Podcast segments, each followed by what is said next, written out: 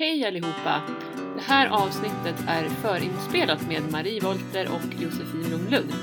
Bara för att vi ska kunna ha lite semester här under sommaren. Så ni får helt enkelt hålla till godo med det här förinspelade avsnittet. Och ni får jättegärna följa oss på våra sociala medier. Podden kan ni följa på Instagram, Livet med Hastpodden. Och Marie Volter kan ni följa på Volters Lifestyle och Stall Stallvolter.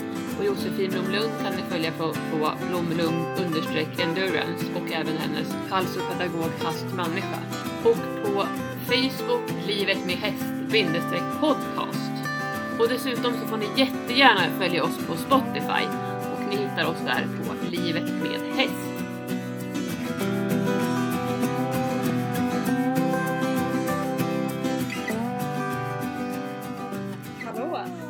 Hej, god morgon!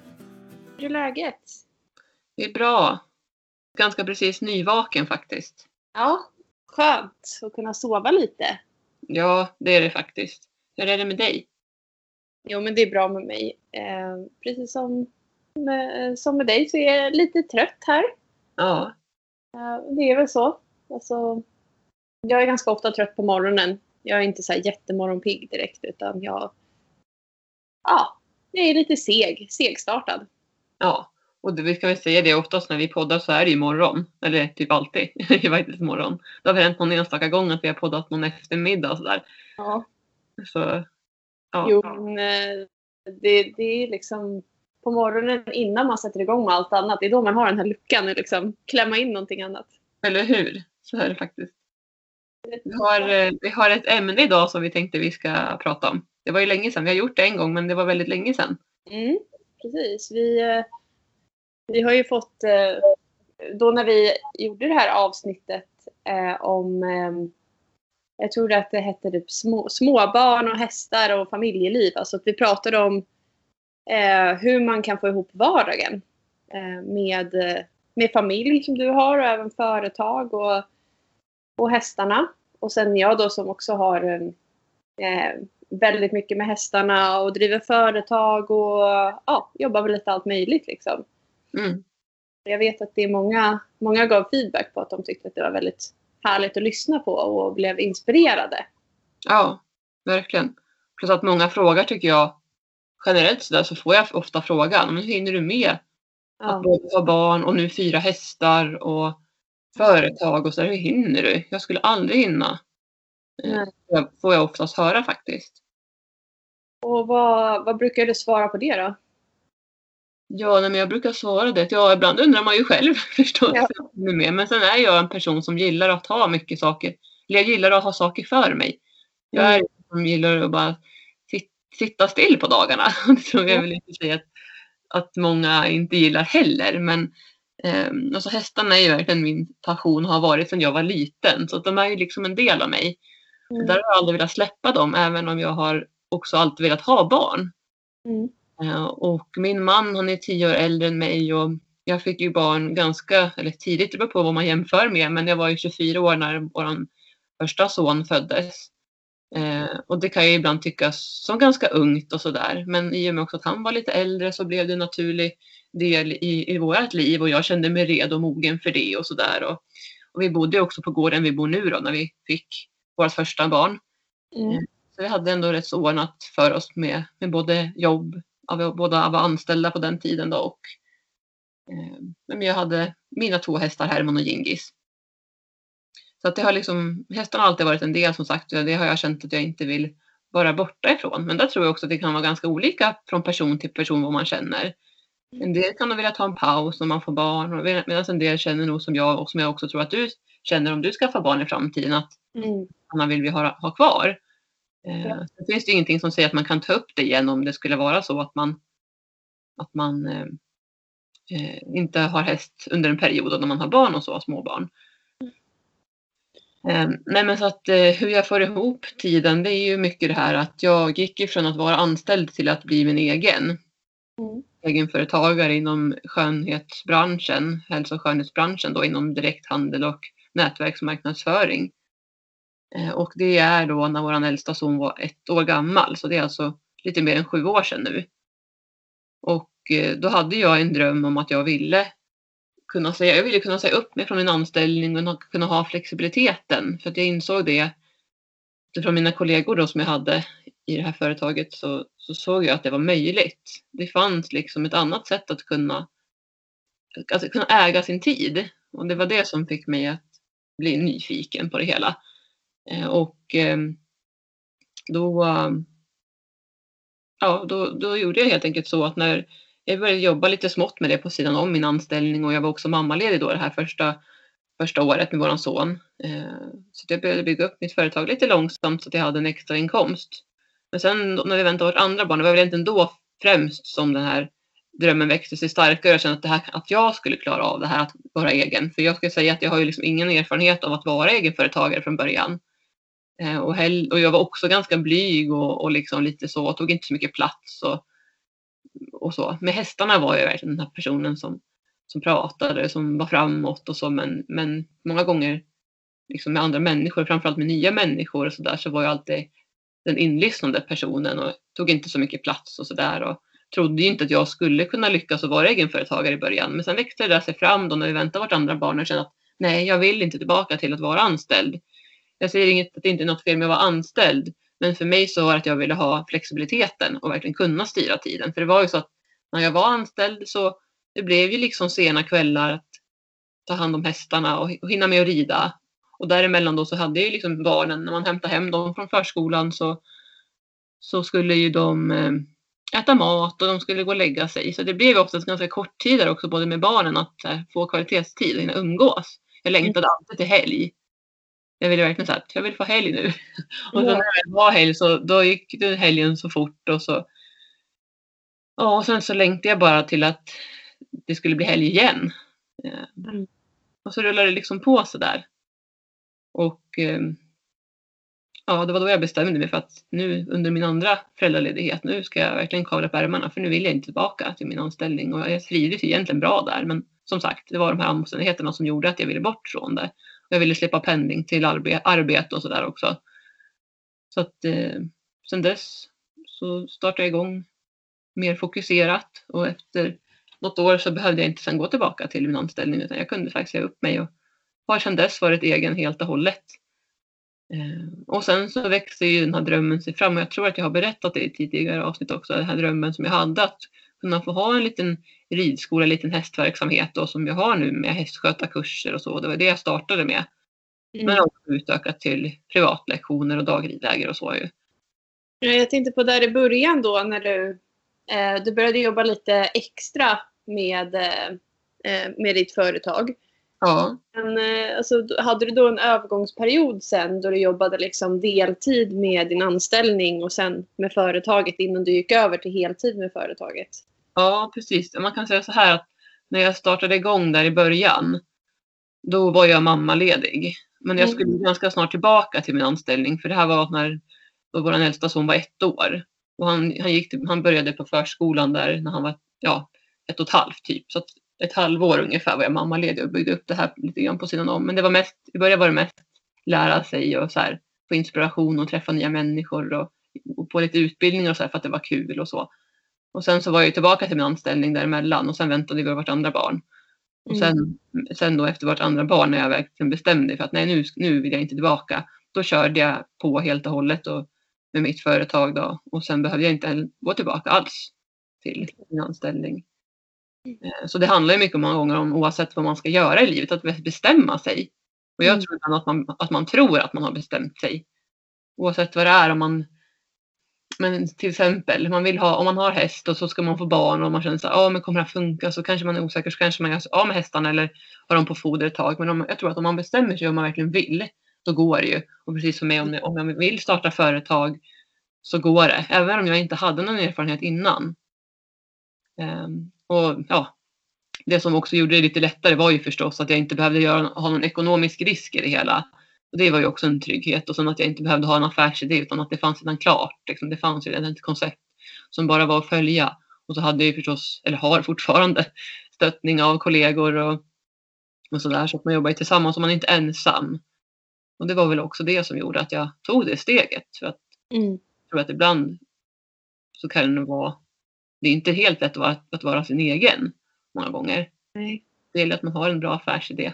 Och sen till det här med hästarna så det var ju ett roligt liksom, komplement att kunna jobba med hästarna då eh, i samband med mitt andra företag då inom hälso och skönhetsbranschen. Så ja, det, så här idag i efterhand så är man ju väldigt tacksam och att man vågade testa på att vara sin egen. För att det är ju så att om man inte testar så vet man ju faktiskt inte vad som, hur det skulle kunna bli. Och det var det jag kände också att om jag inte testar det här nu då kommer jag ju gå och fundera resten av mitt liv. Mm. Och hur det skulle kunna vara. För tänk om det blir bra. Tänk om jag kan lyckas också. Som andra har gjort. Om andra kan, varför skulle inte jag kunna? Det, det tycker jag är en sån bra grej att ta med sig. Ja, absolut. Det är ju det första man, man eh, eh, jag har ju ett citat på min stallvägg att eh, den enda omöjliga resan är den du aldrig påbörjar. Ja. Man, eh, alltså man måste ju verkligen ta steget om man ens ska få reda på om det är möjligt. Mm. Annars kommer det absolut inte att hända. Nej. Så är det. Ja, men eh, det ändå, jag tänker det måste ha varit väldigt läskigt sådär i början. Nu var det ju skönt att du hade din mammaledighet och kunde passa på liksom och prova på då. Men ja. sen ta steget från ekonomisk trygghet via anställningen till att bara hoppa ut och köra själv. Ja, jo men absolut var det läskigt för jag är ju ändå uppfostrad och uppväxt så av mina föräldrar att se till att du har ett fast jobb, så du har en bra ekonomi, och sen kan du skaffa barn och allt det här liksom som du vill göra. Eh, så det är klart att eh, från att ha en fast månadsinkomst varje månad till att sen känna att ja, nu ska jag klara mig på, på egna ben. Men det är ju faktiskt så här också att jag har insett också framförallt nu under pandemin och så här att när man är anställd, absolut, man, får, man vet ju att man får in sina pengar liksom på kontot den 25 oftast av varje månad. Men det är ju ändå inte alltid en trygghet utan man är ju faktiskt, kan låta hårt, men man är faktiskt på sitt arbete för att, alltså man är där så länge som man är behövd av företaget. Och det kan låta hårt och liksom så här, men jag har varit där att jag har blivit uppsagd från en anställning och det var jag under ganska, det var i början av mitt arbets eller yrkesliv när jag var 19 år gammal och jobbade inom industribranschen och det var under finanskrisen där 2009. Då blev jag uppsagd för att jag var ju sist in och då fick jag gå först. Eh, och annars så trodde jag att jag var ganska trygg eftersom att jag var tjej också inom industribranschen och vi hade verkligen så här som tjejföreträde för att det var så mansdominerat. Mm. Men ändå fick jag gå och då, då sållade jag om till ekonom och det var ju det jag jobbade med då innan det jag gör nu så att säga. Eh, så att jag har ju liksom fått kasta mig ut i det där och jag tror att det var det också som, jag, som gjorde att jag vågade testa, att jag hade lite det bagaget och tänkte att ja, men så här, vad har jag förlorat samtidigt? Och jag kan, jag kan ju alltid gå tillbaka om det skulle vara så att jag inte vill göra det här längre, vi var egenföretagare, utan jag kan ha alltid min utbildning, jag har den typen av yrke bak, bakom mig så att säga, som jag förmodligen då skulle kunna ta tag i. Men det som också kan vara bra att veta var att jag kastade mig inte helt utan fallskärm, utan det, jag byggde ju upp som sagt min verksamhet under mammaledigheten och och hade motsvarande ungefär den inkomsten som jag hade när jag var anställd. Mm. Eh, så att, eh, och jag menar, så här brukar jag säga också att man kan ju inte vara egenföretagare och inte jobba. Och man, och man kan heller inte vara anställd och inte jobba. Så oavsett så kommer du alltid behöva göra ett jobb. Och har mm. du samma tanke när du är egenföretagare att du måste jobba för att få in pengar. Det är egentligen samma sak fast där, där kan man ju liksom när man är anställd så, så får man ju liksom sin lön men samtidigt skulle du inte gå till jobbet och sköta ditt jobb då kommer du förmodligen inte få vara kvar. Mm. Eh, sen kanske inte så lika lätt alla gånger att, att bli uppsagd och, från arbete så när man är anställd men det är ungefär samma princip och följer man bara den så då, då kommer man ju in, då kommer man klara sig ekonomiskt. Förstås att det kan vara olika beroende på vilket yrke, alltså vilken, inom vilken ja, vilken yrkeskategori man är inom när man är egenföretagare. För det är klart att framförallt också under pandemin så har det varit väldigt tufft för många företagare nu. Mm. Vad det är för tjänster man erbjuder. Ehm, så jag är förstås tacksam där att jag har valt, eller valt, men att jag har liksom hittat det som har, som har gått bra. Så faktiskt till och med haft tillväxt. Och hästar och det, det är ju också någonting som alla människor vill få, liksom vara kring. Och oavsett hög och lågkonjunktur så finns det ju alltid faktiskt potentiella kunder som har möjlighet att, att bekosta det. Jag skulle nästan säga att jag tycker att det har varit mer människor nu som har kommit och vilja boka ridning och så. Jag tror att det, du känner samma sak där under pandemin just för att det är ju, man är utomhus och det är väldigt härligt. Man behöver ha det liksom i vardagen. Ja, verkligen. Det har ju varit en bransch som har haft möjlighet att växa. Speciellt tror jag för egenföretagare som har privatlektioner eller mindre grupper där det inte är så många personer. Ja, precis. Mm. Nej, men så, tillbaka till det du frågade där, liksom att, att om det var läskigt och absolut var det läskigt och bara den här tanken att släppa anställningen och ta det här steget att vara egen. Men det var, när jag, gjorde, när jag väl bestämde mig och gjorde det så var det så skönt. Så jag säger idag att jag kommer aldrig bli anställd igen. Det är liksom det jag säger, jag kommer aldrig bli anställd igen. Och som sagt, inget ont om att vara anställd. Men jag tror att har man en gång testat att vara egen och när man känner att det går bra, då är det svårt att släppa det. För det är ju en otrolig frihet och det är det som har gjort att, i alla fall för mig, att jag kan både ha min hobby, alltså jag ägnar så mycket tid åt mina hästar och samtidigt med mina barn. Jag mm. behöver inte tumma på det. Sen är det klart att det skulle underlätta om alla mina barn var hästintresserade. Det är väl nästa moment som jag håller på att jobba på nu med vår yngsta dotter. Att hon ska tycka att det är kul att vara i stallet och rida med mig. För då får jag ännu mer tid med henne. Så är det ju. Hästarna tar ju mycket tid. Så att även om jag inte är liksom på, på mitt arbete borta hemifrån så är jag mycket i stallet. Eh, men där är ju också fördelen där att jag har hästarna hemma så att jag kan ändå ha familjen i närheten och de kommer in i stallet och säger hej, hej mamma vad gör du? säger pojkarna och kommer förbi och tittar och Jelin kommer stup i kvarten in om inte, om inte Linus hindrar henne så kommer hon in i stallet per automatik och hovkratsar och släpar iväg till sandlådan. ja, så det är liksom, jag är jättetacksam för livsstilen jag har idag och vill verkligen inspirera andra att om man känner att man vill ha en förändring, fundera på vad som är viktigt för var och en. Vad vill jag ha mer av? Mm. Och sen fundera på hur kan jag lösa den här situationen så att det blir till det bättre. För ofta så finns en lösning, stort sett på allt. Och sen kan det vara ibland att det inte är timing, att man inte har vissa möjligheter, men börja då i det lilla och göra någon förändring. Mm. För det är också en sån där grej att om man tänker att man vill ha en förändring så kan man inte fortsätta göra samma dag, samma sak. Man kan inte fortsätta göra samma sak. Utan mm. man, måste, man måste göra någonting nytt. Och det behöver inte vara någon jättestor grej. Det kan vara en liten justering eller förändring som man gör. Ja, och alltså, jag har ju haft eller, anställningar eh, på olika arbetsplatser och eh, jag tänker framförallt en period så jobbade jag eh, klockan sju till fyra varje dag på ja. en kyrkogård som säsongsarbetare. Och var ett härligt arbete med mycket utevistelse och liksom lite fysiskt arbete, att man fick röra på sig och så. Men eh, jag mådde så dåligt av att jobba de tiderna. Mm. Alltså när måndagen kom då hade jag sån ångest. Ja. Och liksom nej, nu är det måndag igen, sju till fyra. Och sen komma hem typ runt klockan fem. Och då antingen äta middag eller gå ut och mocka och sen rida. Eh, för då hade jag inte lösdrift heller. Så att jag liksom fixade ju, jag mockade fyra eller fem boxar. Eller, jag tror att jag hade så många hästar då. Mm. Och sen jag liksom träna också. Och jag hade ju ändå någon form av satsning då, även om det inte var på samma nivå som nu. Mm. Uh, alltså jag minns den ångesten jag hade på måndagar. Det var verkligen... Jag bara längtade tills det skulle bli helg igen så att jag skulle hinna med saker.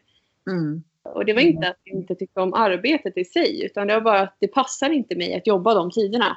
Nej, där ser du någonting viktigt. Jag tror att många gånger man tycker om det man gör. Man tycker om sitt arbete, man tycker om sina kollegor och allt det här. Och trivs mm. att komma hemifrån kanske också. Om man har, bland annat om man har små barn så kan man behöva ha det här miljöombytet och bara få vara själv och träffa sina kollegor och så.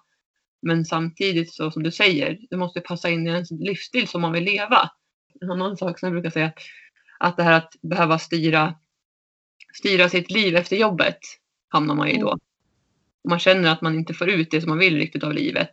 För att jobbet liksom måste gå först. För att det är där man är liksom, man är liksom, man är låst mellan de här tiderna till exempel.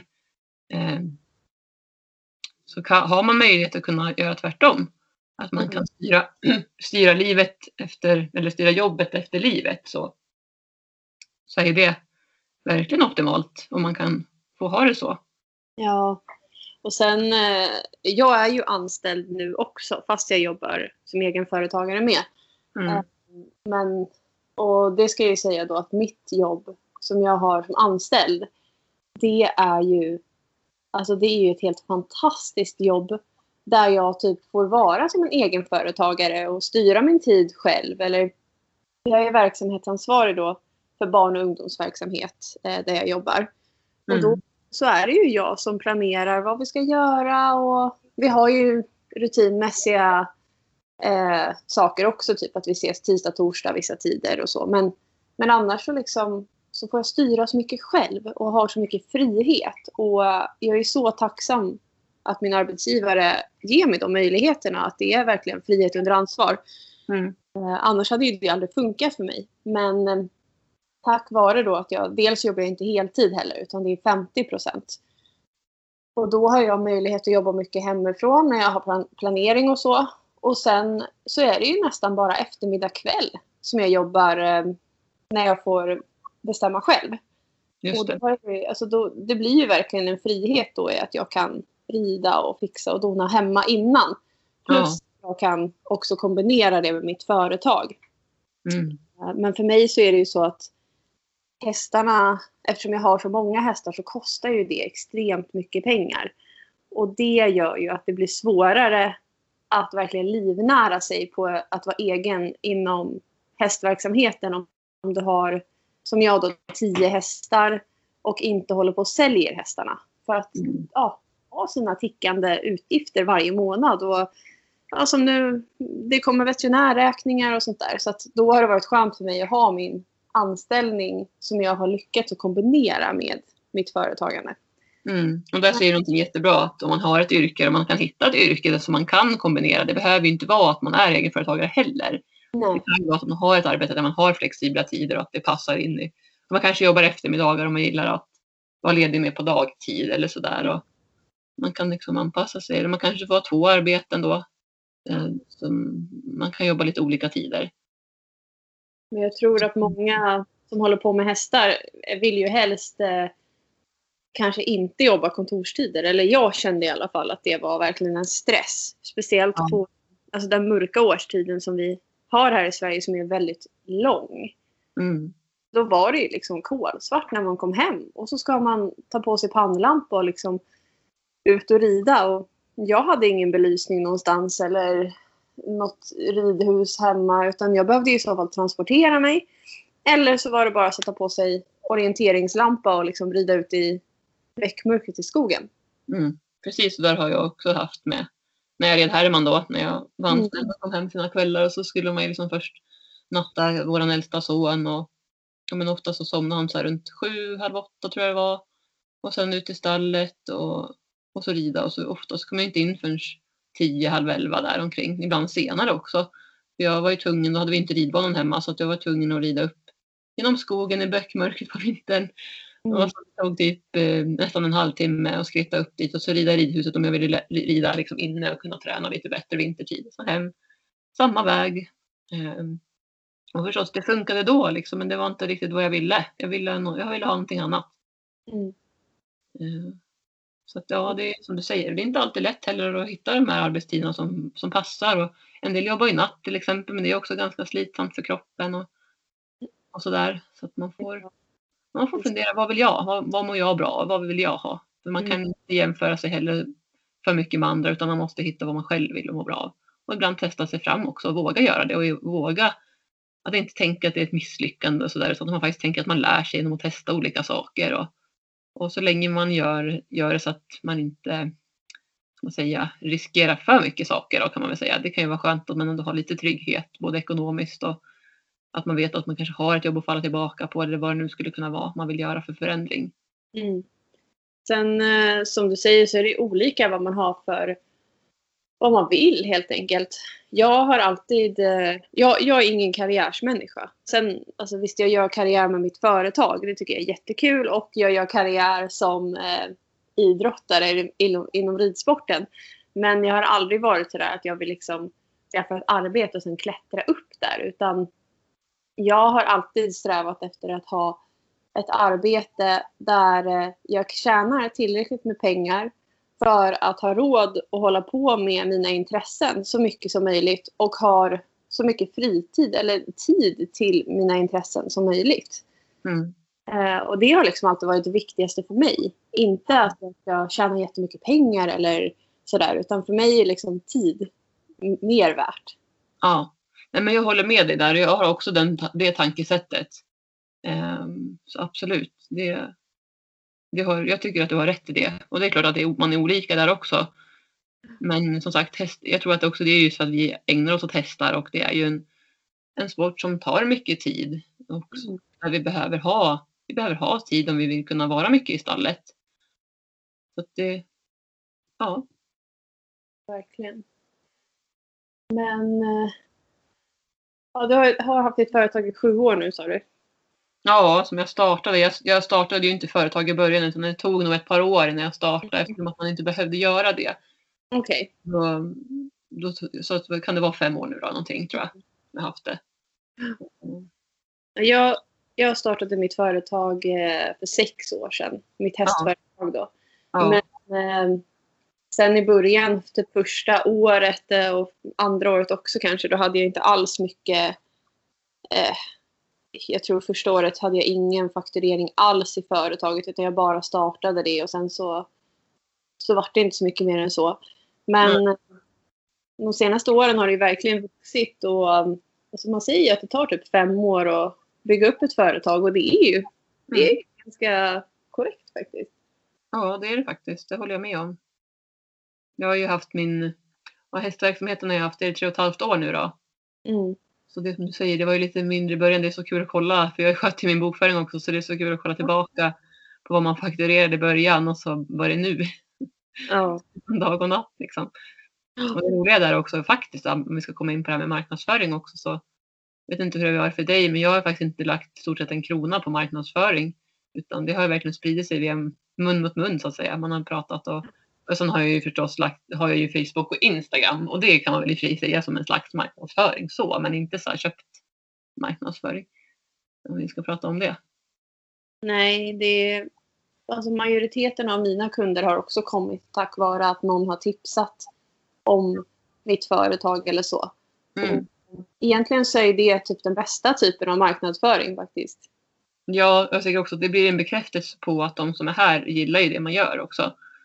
Så på ett sätt så känns det, det också väldigt roligt. Ja men absolut. Mm.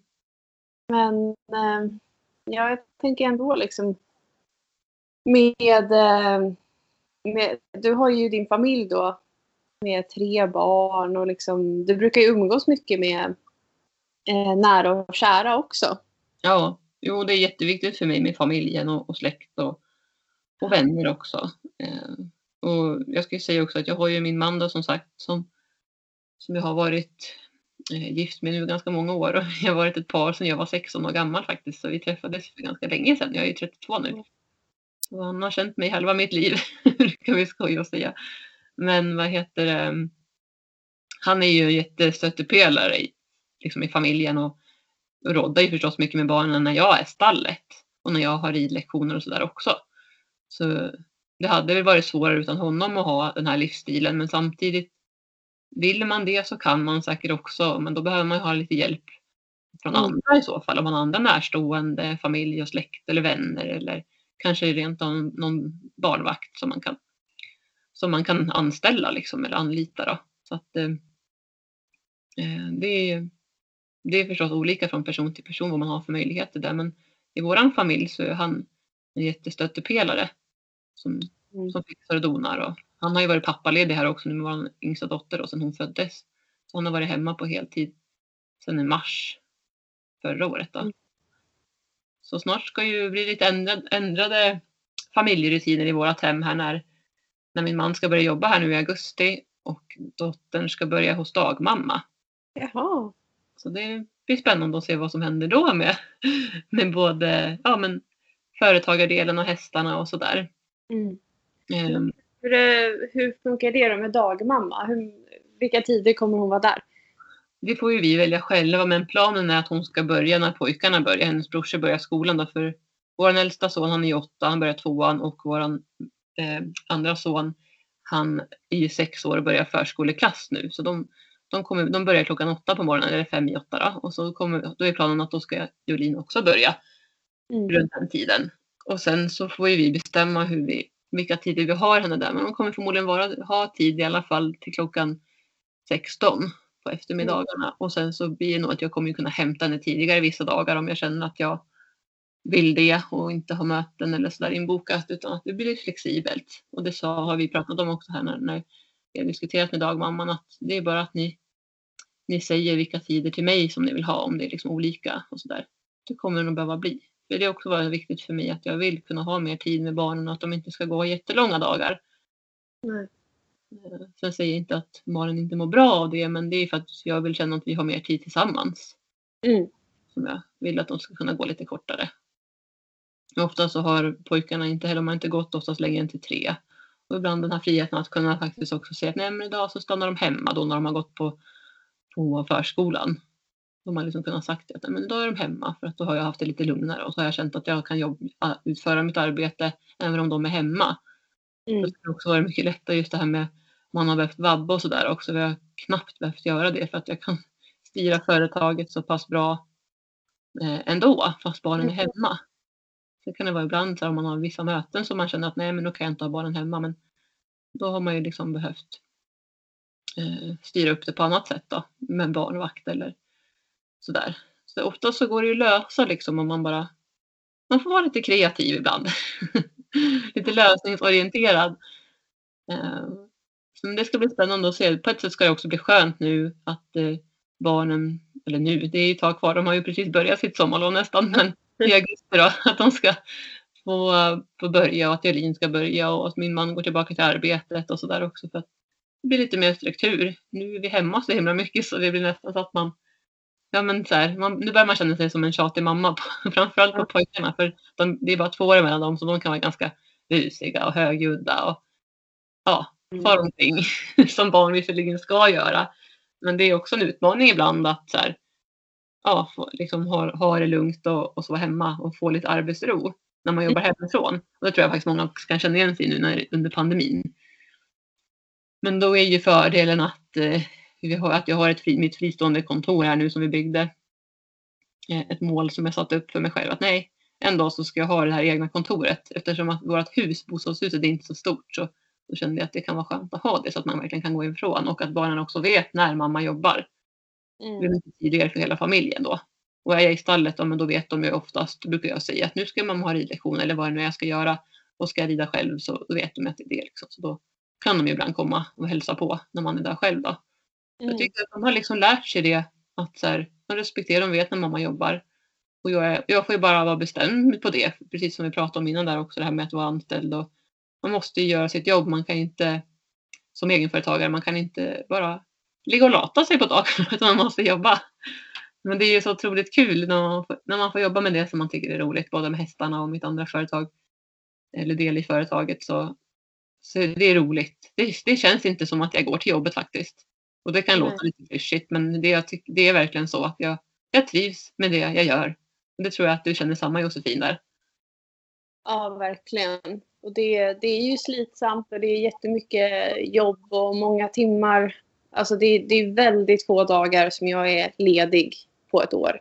Ja. Eh, men, eh, men det ger ju så mycket tillbaka också när man håller på med människor och hästar. Eller hur? Man, man får ju liksom energi av det man håller på med, tycker jag. Ja. Det, det är liksom, hästarna är ju våran hobby och samtidigt också nu för oss båda en, en, en del i våran, vårat företag. Mm. Men, det, men i och med att man får vara med hästarna så blir ju inte det ett jobb i sig. Och sen älskar jag att träffa människor. Jag nämnde det med att jag var väldigt blyg och sådär tidigare. Framförallt då innan jag startade med min, mitt företag där. Men idag så liksom har jag blommat ut och blivit den här personen som jag egentligen alltid har varit. Jag älskar, älskar att träffa både nya människor och, och människor som jag känner. Mm. Och, och, och däribland barn som man, där man får känna att man får dela med sig av hästarna och se deras glädje. Ja, det är intressant det där för jag har också alltid varit väldigt, väldigt blyg och tillbakadragen när jag var yngre. Men eh, ja, har också liksom blommat ut och lärt mig att stå i centrum och tycka om det liksom. Ja, och du har ju också även haft clinics och sådär hemma hos dig och stått där i er, er rundkorall och instruerat och sådär och du är väldigt pedagogisk. Ja, tack. Det är, ja, men det är någonting som jag liksom brinner för. Ja. Ut. Och där säger ju nog det som jag tror är nyckeln till det hela, att vi båda har blommat ut. Det är för att vi gör det vi tycker är kul. Mm. Och att vi känner att vi inspirerar och att andra människor tycker att det, det är intressant och är roligt och är en del av det som vi gör.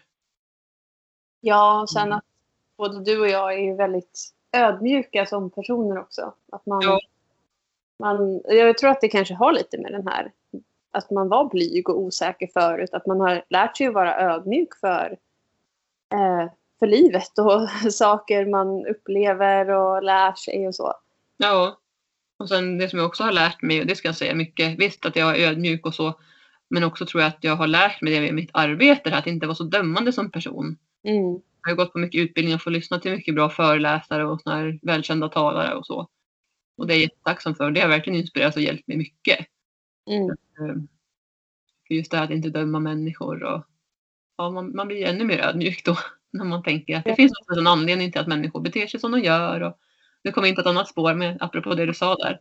en del av vårt arbete också när man möter mycket människor. Eh, jag bor ju liksom, ja, du, både, både du och jag bor ju ute på landet men eh, trots att jag bor relativt eh, alltså, mycket på landet. Jag har ju grannar och så här omkring och, och det går bussar och sånt så det är inte mitt i skogen men det är ändå ute på landet och trots det så träffar jag väldigt mycket människor varje vecka Ja, genom företaget med elever och folk som, alltså mina medryttare och sådär. Så det är ju ett väldigt socialt liv. mm. verkligen. Samtidigt sen så har ju båda, eller alla människor har ju behov av att vara också själva. Hur, Mm. hur tänker du där? Hur får du återhämtning då? Eh, alltså jag gillar ju jag gillar ju inte så jättemycket att vara själv faktiskt. Det, det är någonting jag jobbar med. Att, eh, att kunna umgås mer med mig själv och bara uppskatta och typ sätta mig och ta en kopp te eller kaffe på egen hand och kolla på en film eller serie eller så. Ja, Men annars så, så tycker jag om att ha folk runt omkring mig. Och så har jag Mm. alltid varit sedan jag var liten. mm. Men jag får, eh, alltså, jag är inte så ofta själv i stallet numera. Utan jag har oftast någon annan med mig där. Men då så kan jag ju värdesätta de stunderna jag faktiskt är själv. Om jag går ut dagen en kväll eller liksom ja, men ställer mig och eh, gosar med hästarna eller gör någonting på egen hand. Det kan ge mig mycket mer nu när jag verkligen kan uppskatta det. Den ensamtiden med hästarna liksom. ja. Skönt att känna att du har hittat det, liksom att du börjar tycka att det är okej att vara själv. Men jag Ja. vad du menar där.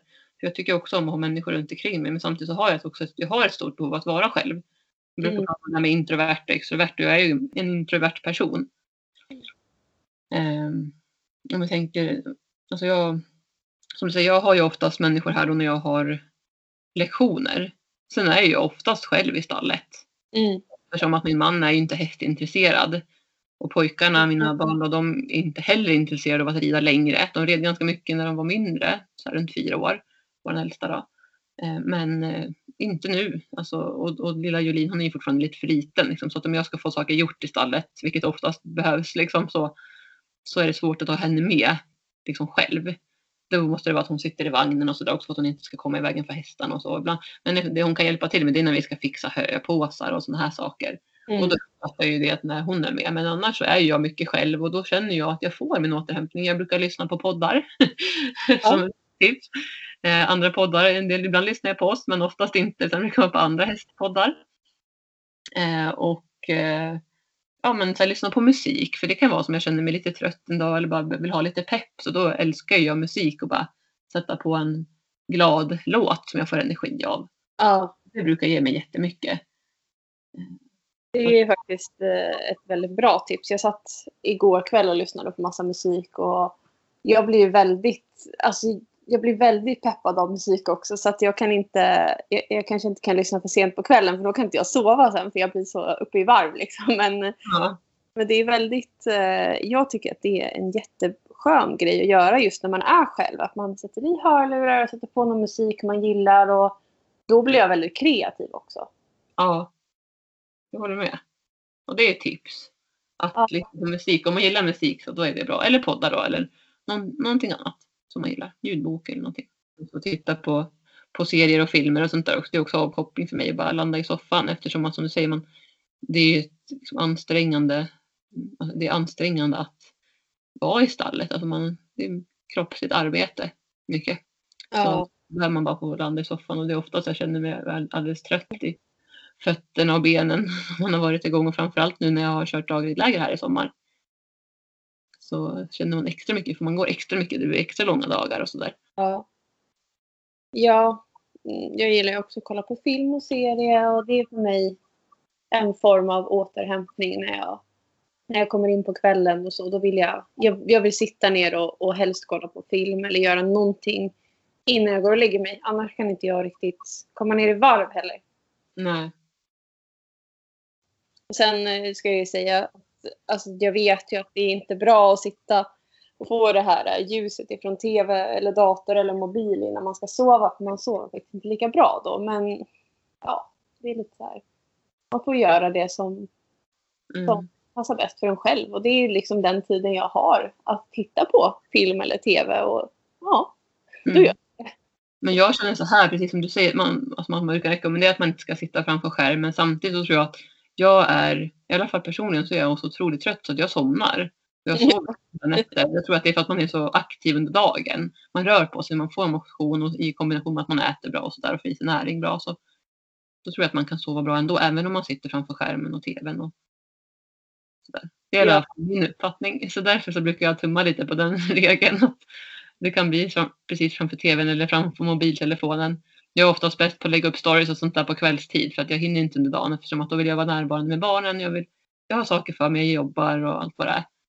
Så då blir det oftast på kvällarna. Jag är bra, väldigt bra på att ta kort, fotografera hela tiden, typ allt jag gör.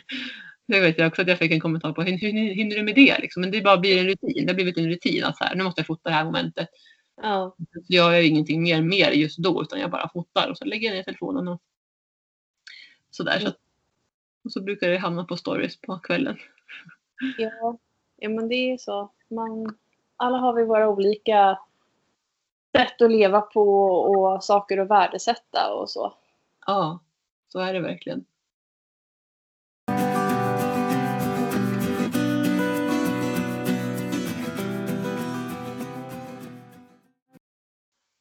Är det något annat tips då som du tror att vi ska ge med oss här när det gäller om om det är företagande, yrke eller hästar eller med barn och så?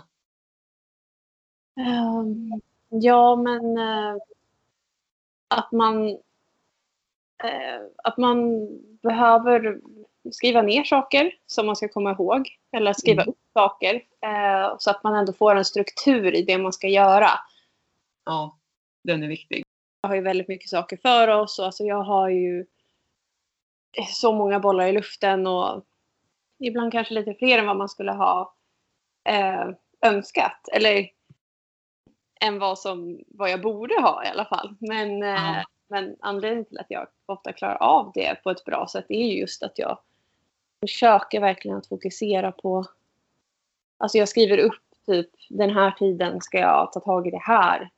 Och då kan jag släppa det på dagen innan för att jag kanske har ridlektioner eller är ute och rider och så. Och sen så har jag en påminnelse i min telefon kanske att just det, och klockan är sex, då skulle jag ju sätta mig och, och svara på det här meddelandet eller någonting. Så att man eh, delar upp det man ska göra och inte känner att man liksom blir överrumplad av allting och måste göra det på en gång. Ja, eller tänker att man ska ha sakerna i huvudet för då trillar det bort och då tar det så mycket energi att gå och försöka tänka och komma ihåg vad man ska göra så man blir stressad av det. Ja, Då är det någonting viktigt att verkligen skriva ner det om man har en, en, en app i telefonen eller kalender eller vad man nu har. ja det är så lätt att stressa upp sig över saker som man inte har färdigställt heller. Jag, jag gör det jättemycket. Men Mm. eh, att man försöker att påminna sig själv om att nej men jag skulle fixa det där imorgon. Nu får jag liksom släppa det för jag har inte tid med det nu. Eh, och så gör jag det imorgon. Så att man inte börjar med massa olika saker och så är liksom allting är halvfärdigt och inget blir riktigt klart. Man behöver ha disciplin. Ja. Eh, har du något annat tips? Ja, nej, men det är ju att, att börja med det viktigaste uppgiften först där. Som du sa, som du var inne på, att man skriver ner vad man ska göra och sen så här, börja med det viktigaste. Vad behöver jag verkligen göra? För mycket så här, jag borde göra det här, jag skulle vilja hinna med. Jag har jättemånga sådana grejer i min to-do så att säga. Men jag inser liksom att när man prioriterar det så allt är inte så himla viktigt. Men att vissa saker är viktigare, då måste man börja med det först och göra det. Mm.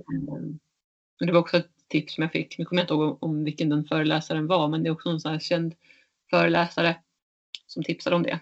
Och det försöker jag följa så mycket jag kan. Sen är det klart att ibland så kommer ju saker emellan så här som, man, som gjorde att man måste pausa eller inte hinner göra det som man tänkte var viktigast just då. Men då får man försöka gå tillbaka till det så fort man får tiden. Och genom att man då har skrivit ner det så är det bra att då, är mycket, då underlättar det att man kan klara av det man har tänkt. Mm. Och så behöver man inte känna att man får dåligt samvete för att man inte har gjort det som egentligen var det viktigaste. Nej. Och det, jag tror verkligen att en nyckel för många människor är just att skriva ner det man ska göra. Och, alltså jag använder ju kalendern i, i telefonen och även påminnelser. Att, Mm. eh, alltså jag kan vara i stallet och hålla på med någonting och så kommer jag på bara just det, det där skulle jag ju fixa. Och så kan jag inte fixa det just då. Eller för då behöver jag avbryta det jag håller på med. Mm. Så tar jag upp min telefon och bara skriver ner vad det var jag skulle göra och sen typ väljer jag en dag och en tidpunkt att påminna mig själv om det här för att jag vet att mitt liv rullar på och jag kommer att säkert glömma bort det. Mm. Det är så mycket som liksom tar uppmärksamheten och speciellt när man har människor och har med människor och djur att göra. Då, då är man ju där och då, alltså här och nu. Mm. Och då kan man inte stå och tänka på saker man ska göra liksom. Nej, det går ju inte. Det måste man kunna släppa där då. Och en annan grej också om man har familj, det är ju att, eller barn då, det är att stämma av med sin partner. Om man har en partner, vad, alltså hur, hur ser veckan ut? Alltså vi brukar alltid göra en avstämning och sen så använder vi mycket av kalendern, både jag och min man, så vi kan dela det vi ska göra med varandra. Så att vi Mm. har koll liksom, på att ja men okej nu har Marie ridlektion eller nu ska min man iväg och, och träna för han har sina träningsaktiviteter och tävlar mycket också ska jag säga inom den, den sporten han ägnar sig åt. Så, Ja. så, um, han är ju också borta ganska mycket och det var också frågan, hur hinner ni med liksom era fritidsintressen? Men det är ju mycket planeringen som är grejen där, att vi planerar. Och, och är man inte bra på att planera så kan man lära sig. Jag säger så här, min man han tycker inte alls om att planera så han, jag har bara fått tvinga honom till det. för att vi ska, för det, annars går det inte, annars kan du inte göra dina aktiviteter om du, om du inte planerar. Och så nu har ju han också kommit in i det liksom flowet att han delar, delar allt han ska göra med mig.